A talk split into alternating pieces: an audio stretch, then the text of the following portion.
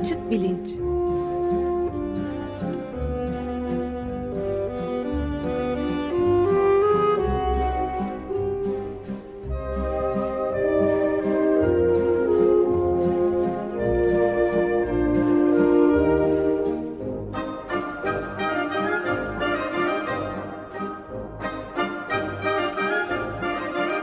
Güven Güzeldere ile bilim ve felsefe sohbetleri. Günaydın Güven Bey, merhabalar. Günaydın Ömer Bey. Günaydın Güven Bey, merhabalar. Günaydın Can. Evet, bugün e, e, hem bu Oscar'larla ilgili tahminlerinizi azıcık e, tabii soracağız. Nasıl tuttu deneysel şeylerin ışığında ya yapılan deneyler geçen hafta da konuştuğumuz hem de bir de daha önce de konuştuğumuz e, bir önemli konu emir kuluyum zihniyeti. Nazilerde kendilerini savunma olarak kullanılan ve bunların beyindeki yansımaları işte Milgram, Stanley Milgram'ın Yale Üniversitesi'nde yıllar önce yaptığı bir deneyimin yenisi de yapılmış. Biraz da ondan bahsedeceğiz herhalde öyle değil mi? Evet, e, aynen öyle. E, Oscar'lardan e, başlayalım. E, Pazar gecesi Oscar'lar dağıtıldı. Biz geçen haftaki programda e, Microsoft'un e, Bing e, tahmin yapan arama motorunun e, e, öngördüğü sonuçlardan e, konuşmuştuk. Albert Ali Salah ile birlikte. E, ben bütün e, tahminlerin hepsine e, yani 24 kategorinin 24'üne birden bakmadım ama bizim bahsettiğimiz 5 kategori vardı.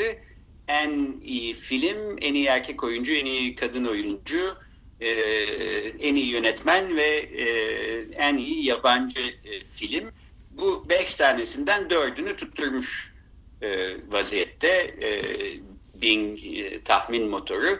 E, bir tek en iyi film için de, e, fena değil The, The Revenant e, birinci sıraya yerleştirmişti. Spotlight ikinci gözüküyordu. E, fakat Spotlight e, kazandı pek çok insanı da şaşırtarak.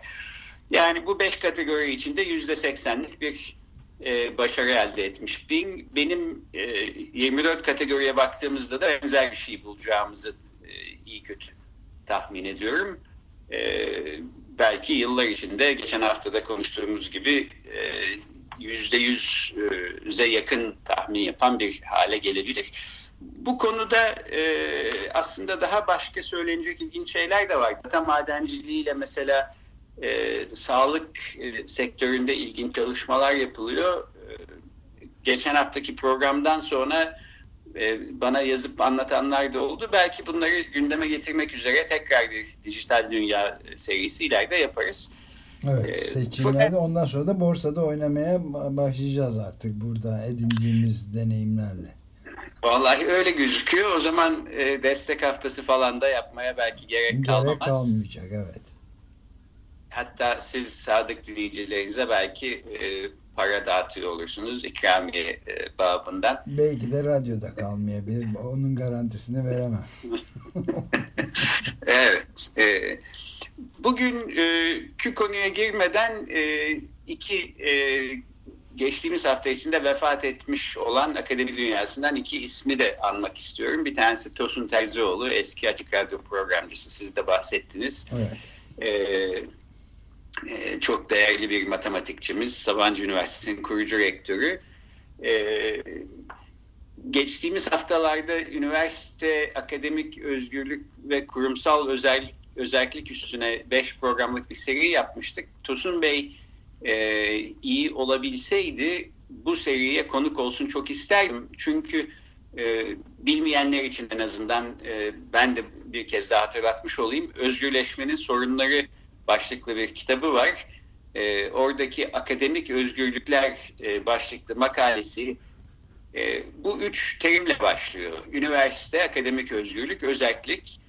E, bunlar esasında hiç de soyut olmayan kavramlardır ama nedense sanki toplumun çok uzağındadırlar e, diye başlıyor ve e, bu üç kavramın birbiriyle ilişkisini anlatıyor. İkinci kaybımızda felsefe dünyasından İstanbul Üniversitesi felsefe bölümünden Bediye Akarsu. Akarsu evet. O, o da Türkiye felsefe hayatına çok uzun yıllar e, emek vermiş e, bir felsefe emekçisi. E, felsefe terimleri sözlüğünü ben e, hala kullanıyorum. E, faydalanıyorum. E, ikisinin de sevenlerinin e, başı sağ olsun e, huzur içinde yazsınlar. Bediye Akarsu da Tosun Terzioğlu da.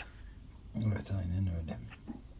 E, peki şimdi e, çok yeni bir e, makale yayınlandı. E, bu gün ondan bahsedelim e, istiyorum. E, Current Biology e, dergisinde birkaç hafta önce yayınlanmış bir makale. Dört yazarı var. Bir kısmı yazarların University College London Üniversitesi'nden, Londra'dan, bir kısmı da Belçika'dan Özgür Brüksel Üniversitesi'nden. E, Özgür Brüksel Üniversitesi'ndeki araştırmacılar e, psikolog, e, Londra'daki araştırmacılar nörobilimci. Bu e, araştırmada e, itaat eden insanların e, psikolojik ve nörobilimsel olarak e, ne tür bir e, değişikliğe tabi e, olduklarını e, anlamaya ve anlatmaya çalışıyor. E, Twitter sayfasında ben e, makalenin kendisini ve e, makaleyle ilgili bir özet yazıyı paylaşacağım. E, makalenin İngilizce başlığı Coercion Changes the Sense of Agency in the Human Brain. E, yani e, itaat e, insan beyninde e, faillik e, hissini e, değiştiriyor. E, bu e, çalışma e, bizim 2013 senesinde 3 e, hafta boyunca anlattığımız e, Stanley Milgram'ın e, 1963 senesinde e, Yale Üniversitesi'nde e, yaptığı e, ve 1960 senesinde yayınladığı e, çalışmanın bir varyasyonu denebilir. E, şuradan belki başlayalım. E, hatırlayacaksınız e, Adolf Eichmann e, birin, İkinci Dünya Savaşı'ndan sonra e, epey bir süre kaçtıktan ama İsrailli Mossad ajanları tarafından takip edildikten sonra 1960 senesinde Arjantin'de yakalanıp e, İsrail'e geri getiriliyor ve e, mahkemesi iki sene boyunca sürdükten sonra idama mahkum edilip 1962 e, senesinde e, idam ediliyor. E, mahkemenin kararının e, yaklaşmakta olduğu günlerde 1962 senesinde e, bir af mektubu, af dileyen bir mektup yazıyor Adolf Eichmann mahkemeye ve diyor ki e, daha sonra çok e, atıfta bulunulan e, bir e, ifadeyle e, biz bu Nazi sisteminin içinde yalnızca e, e, başkalarının amirlerimizin emellerine alet edilmiş e, bir araç olarak kullanıldık. E, yalnızca e, başkalarının emellerini yerine getiriyorduk. E, bunu diyerek e, e, sorumluluğun aslında amirlerde olduğunu e, kendilerinin her ne kadar e, Nazi cinayetlerine ortak olsalar da e, bir araç olarak e, kullanılmış olduklarını bu anlamda e, baş fail olarak yargılanmamaları gerektiğini anlatıyor mektupta ve affedilmesini e, istiyor. E, bu e, istek e, ve bu argüman e, mahkeme tarafından e, kabul görmüyor ve idam cezasıyla cezalandırılıyor Eichmann.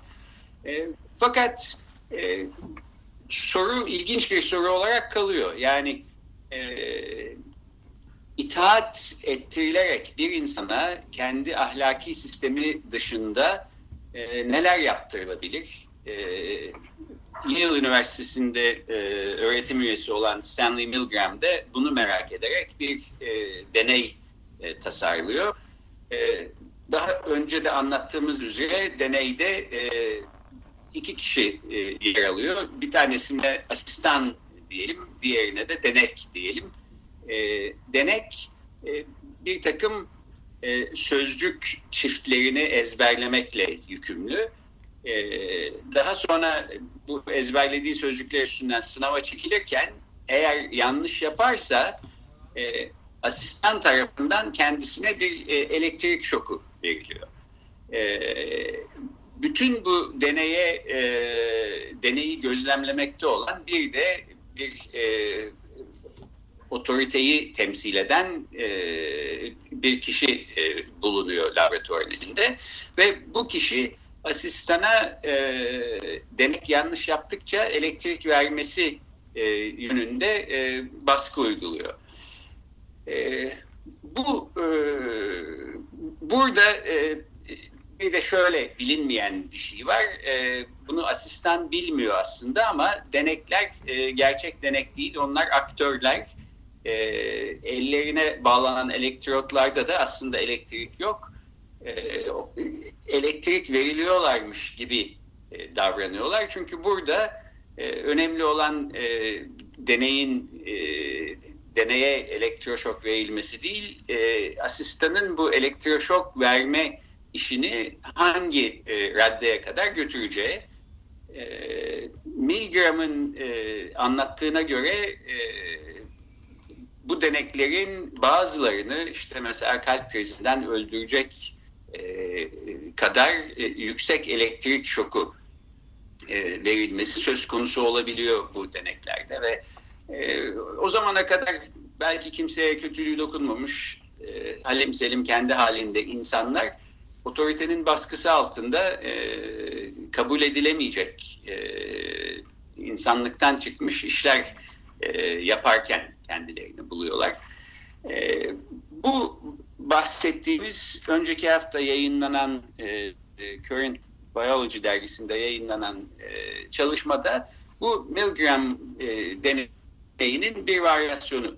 E, deneyde bir takım e, aksaklıklar olabileceğini öngörerek hem e, o aksaklıklardan e, ağrı bir e, tasarım geliştirmişler. Hem de e, işin e, beyindeki etkilerini gözlemlemek için elektroensefalografi denen bir ölçme e, yöntemiyle e, e, asistanların yani e, elektroşoku uygulayan kişilerin, itaat etmekte olan kişilerin beyninde ne olduğuna, e, elektriksel aktivite açısından ne olduğuna bakıyorlar. E, şimdi deneyden e, biraz bahsedelim. E, e, deneyi anlatmak için belki e, edim felsefesi denilen yani davranışı açıklamaya e, yönelik e, felsefi görüşlerin temelinde ne yatıyor? E, çok kısaca bundan bahsetmem gerekebilir. E, hareketle davranış arasında e, bir fark var. En önemli ayrım e, burada o. E, aynı hareketi e, arkasında başka niyetler, başka düşüncelerle yaptığımız zaman iki farklı davranış olarak nitelemek mümkün. Ben sizle birlikte yemekteyken kazara önümdeki bardağı devirip e, suyu üstünde döküyor olabilirim. Ya da e, tam aynı hareketi başka bir niyetle e, size kızdığım için, e, öyle olmasını istediğim için yapıyor olabilirim. E, kazayla yapmak davranışıyla e, bilerek isteyerek yapmak davranışı arasında bir fark var. E, tam aynı hareketi yapmış olsam da yani kolum aynı e, e, arkı çizip e, bardağa çarpmış ve bardağı tam aynı şekilde e, devirmiş olsa da. Benzer şekilde aynı hareketi kendi özgür irademizle yaptığımız zamanla başka birisinin emirlerine itaat neticesinde e, yapıyor olmamız arasında da bir fark olması beklenir. En azından e, bu hareketin öznesinin e, beyninde bir fark olması gerekir. E, e, bu farkın öznenin kendi e, öznel beyanında da yansıması e, beklenir. Bunların hepsi bu çalışmada var. Yani bir anlamda e, aslında malumun ilamı diyebileceğimiz e, sonuçlara sahip e, bu, bu e, çalışma ve şunu gösteriyor e, nasıl gösterdiğini şimdi birazdan e, tarif etmeye çalışacağım e, itaat altında başkalarının istediği şeyleri yapmakta olan e, insanlar da e, üç değişik e, boyutta e, üç değişik faktörde e, değişiklik e, e, görüyoruz, bir fark görüyoruz. Bir tanesi kendi öznel beyanları. Yani e, itaat sonucunda bir iş yapan kişi kendisini daha az sorumlu hissettiğini söylüyor yaptığı şeyden dolayı. İkincisi e, zaman faktörü. E, itaat altında hareket eden bir kişi e, yaptığı e, hareketin neticesinde olan e, şeyin daha uzun süre e, sürdüğünü tahmin ediyor. Doğru olmamakla birlikte kendi özgür iradesiyle yaptığı hareketlerin sonuçlarının e, çok daha kısa zamanda ortaya çıktığını düşünüyor.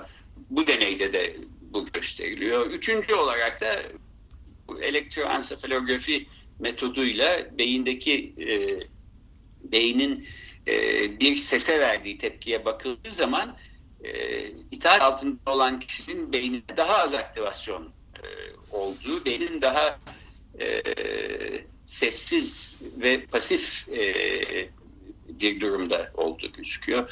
Bu üçü yani hem öznel beyan hem psikolojik e, zamanın geçişiyle ilgili e, his hem de beyinde olan biten e, bu üç e, faktörü bir araya getirerek çalışmanın e, sonucunu ortaya çıkartıyor ve e, evet bir hareketi e, kendi e, özgür irademizle e, yapmak yerine başkasının emrine itaat ederek onun emri altında yapıyorsak yaptığımız hareket tam aynı harekette olsa aslında bu iki hareket iki farklı davranış şeklinde kategorize edilebilir. Çünkü hem kendi anlayışımız hem de sinir sistemimizde olan bitenler e, e, özgür bir e, fail ile e, itaat altında e, hareket eden birisinin e, birisi arasında böyle bir fark olduğunu gösteriyor bize. Evet yani ee, zaman şimdi ha, pardon ee, zaman farkı e, da e, oluyor galiba değil mi? Yani e, eylemle hareketle sonucu arasında bir zaman farkı olsa bile aslında bir çeşit aynı şey gibi görüyoruz ama e, bu yeni yapılan araştırmadan da anlaşıldığı gibi eğer sonuç mesela hoşa gitmeyecek bir şeyse o zaman bu yeni tip tasarruflu floresan lambalardaki olduğu gibi e, yani şarteli açıp kapattığımız zaman e, ışığın yanması biraz zaman alıyor gibi. Bu da insanları yani sonuçlarından koruyor gibi geliyor. Yani Hannah Arendt'in de daha önce de konuşmuştuk tabii bu banality of evil dediği şeyin yani kötülüğün banalliği, sıradanlığı, bayağılığı üzerinde de ilginç yani bize ekstradan do, bence Arendt'i doğrulayan gelişmeler oluyor. Asıl failler arkada. E, doğru, evet aynen öyle. Bu çalışmanın e, neticesinde peki e, ahlaki ya da hukuki olarak nasıl sonuçlar çıkarmamız gerekir? Ee... değineyim fakat e, belki çok kısaca e, kendisinin e, nasıl tasarlandığını da özetleyeyim. Deney aslında e, bu şekilde dolaylı ölçütler yapan ve Milgram'ın e, deneyine göre e, o, o deney kadar çarpıcı olmayan e, bir deney. Ee, ve içinde de pek çok parametre var. Dolayısıyla bütünüyle deneyi anlatmak e, hayli kafa karıştırıcı olabilir diye korkuyorum. Bir, bir kısmını en azından anlatayım. E, burada da bir asistan ve bir denek var. E, Ömer Bey siz dilim denek oldunuz. Can da e, asistan oldu. Bir de üçüncü e, kişi var. O da otoriteyi temsil eden ve deneyi yaptıran kişi. E, e, deneyin koluna elektrotlar bağlanmış durumda. E, asistanla denek karşı karşıya oturuyorlar. Asistan bir bilgisayar önünde oturuyor. Ve e, zaman zaman e, iki tuştan bir tanesine basma opsiyonu var asistanın bilgisayarda. Tuşlardan birine basarsa hiçbir şey olmuyor. Diğerine basarsa ama bir e, elektroşok uygulanıyor deneye ama karşılığında e, asistan belli bir miktar para e, kazanmış oluyor. E, bunu e, bir süre e, bu denek asistan çiftine yaptırdıktan sonra en başta şunu da söylüyorlar. Asistanla denek yer değiştirecek. E, yani e, denek asistan, asistan denek yerine geçecek bunu yapmalarının nedeni de aslında Milgram deneyinde e, bakılmamış e, olan ve e, potansiyel bir komplikasyon içeren bir durumun önüne geçmek. E, o da şu, belki asistan deneyin e, numara yaptığını, yani gerçekten elektroşok ona uygulanmadığını ama öyleymiş gibi davrandığını tahmin ediyor ama itaat etmek e, durumunda olduğundan bunu bile sorgulayamıyorsa e, davranışları farklı olabilir. Burada asistanla e, deneyin yerini değiştirerek e, iki kişinin de aynı elektroşok tabi tutulmasını dolayısıyla ortada bir numara yapma durumu olmadığının garantilenmesi bu amaçlanmış. E, asistan e, elektroşok uyguladıktan sonra deneye e, bir ses duyuyor ve e, elektroşoku uyguladığı e, düğmeye basmasıyla bu sesi duyması arasındaki e, zamanın ne kadar olduğunu tahmin etmesi isteniyor. E, eğer asistan kendi özgür iradesiyle bu düğmeye basıp e, elektroşoku uyguladıysa e, bu zaman aralığının daha küçük olduğunu tahmin ediyor. E, eğer e, e, deneydeki üçüncü kişi evet şimdi düğmeye bas ve elektroşoku uygula emrini vermiş ve ona itaat neticesinde asistan bu düğmeye basmışsa bu zaman aralığının daha uzun olduğunu düşünüyor. E, burada da şöyle bir e, çıkarımda bulunuyor insanlar. E, nedensellik ilişkileri genellikle bizim alışık olduğumuz bir zaman aralığında oluyor. Yani sizin de söylediğiniz gibi ışığı açmak için düğmeyi çevirdiğiniz zaman ışığın hemen açılmasını bekliyoruz. Evet. Eğer düğmeyi çevirdikten sonra ışık 3 saniye sonra açılır ya da 15 saniye sonra açılır ya da işte gelişi güzel bir şekilde bazen 2 dakika sonra bazen 5 saniye sonra açılır olursa e, sanki o işin faili biz değilmişiz e, hissi e, uyanıyor. E, ve zaman aralığının artması faillik hissinin azalmasıyla doğru orantılı. E, bu deneyde bu, bundan yararlanıyor. E, bir başka varyasyonunda da yine asistanın e, beyninde elektroensefalografi ile ne tür bir elektriksel aktivite olduğuna bakıyorlar. Aynı şekilde e, kendisi elektroşok uygulamışsa e, daha yüksek bir aktivasyon, itaat altında bunu yapıyorsa daha düşük bir aktivasyon olduğunu gözlemliyorlar. Buradan da peki ne sonuç çıkıyor, ne anlayacağız? Belki şunu anlamak gerekiyor. E, itaat altında e, belki başka türlü yapmayacakları işi yapmış olan insanlar e, ben yalnızca emirlere uyuyordum Emir dedikleri kuluydu. zaman e, emir kuluydum dedikleri zaman bunda belki doğru bir taraf var. Yani hem kendilerine kendi sorumlulukları daha azmış emirlere uydukları için gibi geliyor. Hem de bunu e, belki fasilite eden bir e, beyinlerinde ve e, sinir sistemlerinde bir farklılık da belki söz konusu.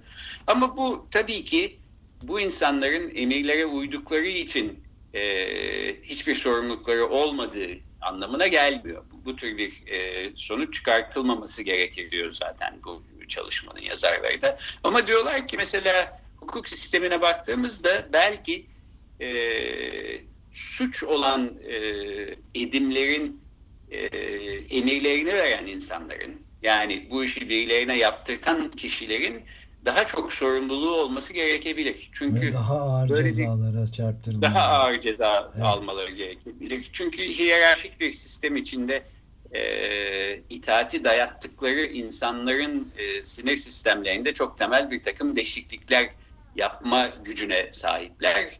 Dolayısıyla e, e, belki itaat edenlerin sorumluluğu azalıyor diye düşünmekten ziyade itaat ettirenlerin sorumluluğunun daha çok olduğunun burada altını çizmek gerekiyor.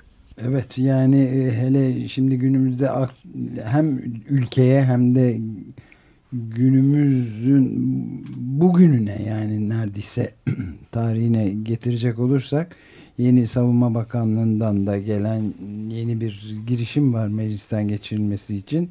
Türkiye Büyük Millet Meclisi'nden. Yani işte e, savaş durumlarında e, terörle mücadelede tırnak içinde görev yapan e, kolluk kuvvetlerinin işkence ya da kötü muamele e, yapmaları konusunda cezasız kalabilmelerini yani bunu mecbur kaldıklarını gösteren de e, durumda olduklarını gösteren bir e, kanun geçmesi de söz konusu. Bununla çok yakından bağlantılı. Yani bu emirleri o zaman verenlere asıl e, gidilmesi gerektiği büsbütün ortaya çıkıyor. Evet, e, tamamıyla öyle. Tabii e, itaat ettirerek e, belki kendilerinin yapmak istemeyeceği e, kötü şeyleri başkalarına yaptıran amirler e, bu kendilerine itaat eden kişilerin yaptıkları şeylerden dolayı suçlanmaması, e, korunması gerektiği yönünde de hukuki önlemler almaya çalışıyorlar ki itaat eden itaat etmeye devam etsin. Evet. E, bu yeni yasa tasarısı da bana tam aslında bunun yansıması gibi gözüküyor. E, şununla bitireyim. 1936 senesinde çekilmiş çok e, ünlü bir fotoğraf vardır. Ben bunu Berlin'deki e, Soykırım Müzesi'nde e, görmüştüm. E, August Landmesser diye bir Alman e, adam burada söz konusu olan onlarca kişi e, bir e, Nazi e, toplantısında Nazi selamı veriyorlar. Herkes kollarını yukarı doğru kaldırmış. E, fotoğrafta tek bir kişi e, elini kolunu kaldırmamış. Asık bir suratla, ekşi bir suratla aslında tek başına oturuyor. Ee, yani burada e, itaat etmeyen bir anlamda e, onlarca belki yüzlerce kişi arasında tek başına farklı olmayı e, göze alan e, bir kişinin e, fotoğrafı var. E, çok tarihi bir anı belgeliyor aslında bu, bu fotoğraf. E, sonuçta şunu diyebiliriz. Evet belki itaat etmek etmeye meyilli e, canlılar olabiliriz. Belki sinir sistemimiz de bizi bu tarafa doğru götürüyor. Belki grup içinde e, farklı olmamak yönünde bir takım e, doğuştan gelen biyolojik e, meyillerimiz olabilir. Ama e, aklıyla, izanıyla, vicdanıyla hareket etmeyi de becerebilen e, canlılarız ve e, aramızdan bazıları çıkıp e, bu sürü mentalitesinin dışında durmayı, itaat etmemeyi, kendi doğru bildiğinde ısrar etmeyi becerebiliyor. E, ben de bir eğitimci olarak öğrencilerime vermek için çalıştığım, çabaladığım en önemli belki unsurlardan bir tanesi böyle kendi doğru bildiğinden başkaları her ne derse desin şaşmayacak bir düşünce yapısına e, sahip olabilmeleri. E, bunun da öneminin altını böylece bu çalışma ışığında çizmiş olalım. Peki çok teşekkür ederiz. Bitirdik süreyi de. Gayet ilginç bir deney. Ben teşekkür ederim. Bu deneyin özetini ve deneyle ilgili bilgileri Twitter sayfasından duyuracağım. Açıkbilinç.com adresinden iletişim bilgilerine ulaşmak açık bilinç etiketiyle Twitter sayfasına bakmak da mümkün. Evet, o ee, 36 gelecek hafta 1936 fotoğrafını da e, koyarsınız. Onu da oraya onu da oraya tabii e, mutlaka koyacağım. Tamam, çok teşekkürler. Haftaya görüşmek, görüşmek üzere. üzere. Hoşçakalın.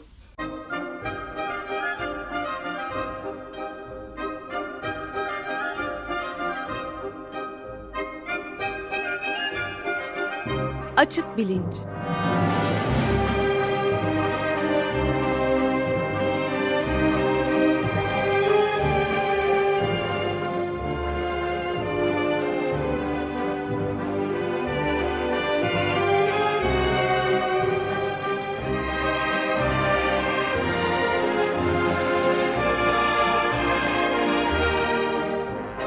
Güven Güzeldere ile bilim ve felsefe sohbetleri.